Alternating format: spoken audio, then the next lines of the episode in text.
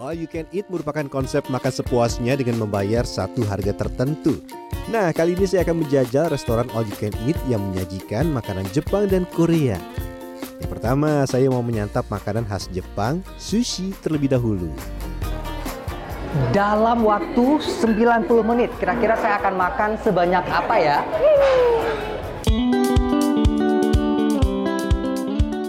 Ya, Anda tidak salah dengar. 90 menit adalah waktu yang diberikan kepada saya untuk menghabiskan semua makanan yang saya ambil. Deretan menu khas negeri Sakura Jepang terpajang di etalase. Tapi Anda tidak bisa mengambilnya begitu saja seperti restoran all you can eat pada umumnya. Anda harus memesan terlebih dahulu. Setelah itu baru makanan diolah. Tujuannya untuk menjaga kesegaran makanan. Wah, waktu saya terbatas nih. Karena lapar mata, saya memesan 6 makanan dan ternyata porsinya banyak. Saya harus melahap semua makanan sampai habis. Kalau ada sisa, saya harus menanggung konsekuensinya. Kami ini sistemnya all you can eat. Jadi memang uh, dan freshly made to order apa yang Mas Roni pesen baru kami bikinkan.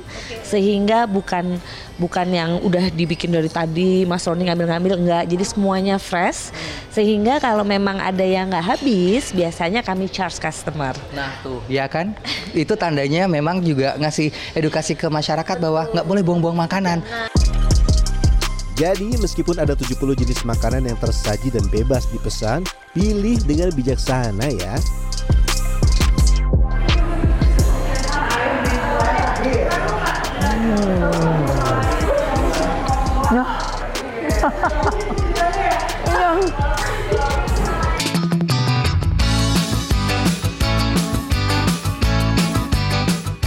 Hal yang sama juga berlaku di restoran all you can eat ala Korea ini. Di sini pengunjung punya dua pilihan batasan waktu makan, 60 atau 90 menit.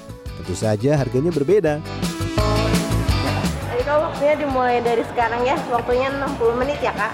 60 menit dari sekarang. Thank you loh mbak. Saya harus ambil sebanyak-banyaknya supaya bisa kenyang. Ih, Oh ini ya. Topoki atau olahan tepung beras dengan saus gochujang yang pedas manis jadi andalannya.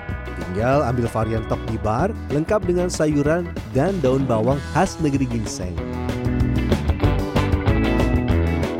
Setelah itu serahkan kepada sang pramusaji yang sudah siap membantu meraciknya untuk Anda. Makanan sudah siap, mari langsung kita santap.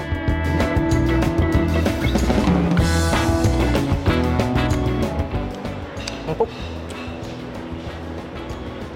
Dan kenyal. Berpadu. Enak banget. Saus pedas manis bercampur tok yang lembut seketika memanjakan lidah saya. Hmm, masih ada yang ingin saya coba nih.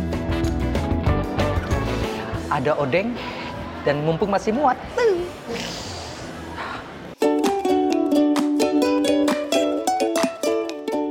Odeng atau jajanan khas Korea yang mendunia ini terbuat dari ikan dan kuah kaldu. Ditusuk seperti sate, sangat praktis dimakan, bahkan populer sebagai street food di Korea. Meski bisa menjajal semua makanan, ternyata ada aturan. Kan aturan di sini bahwa ada denda berapa sih? Eh, untuk 100 gramnya kita kena 50 ribu. Makanya nggak boleh buang-buang makanan.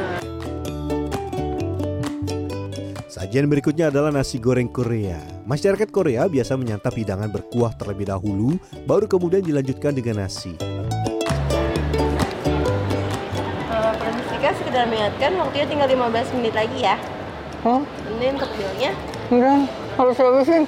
Hmm, hmm, hmm. Enggak, nanti kena cas. Nah. Hmm, masih banyak. Masih ada. Habisin aja. Habisin lagi. Hmm.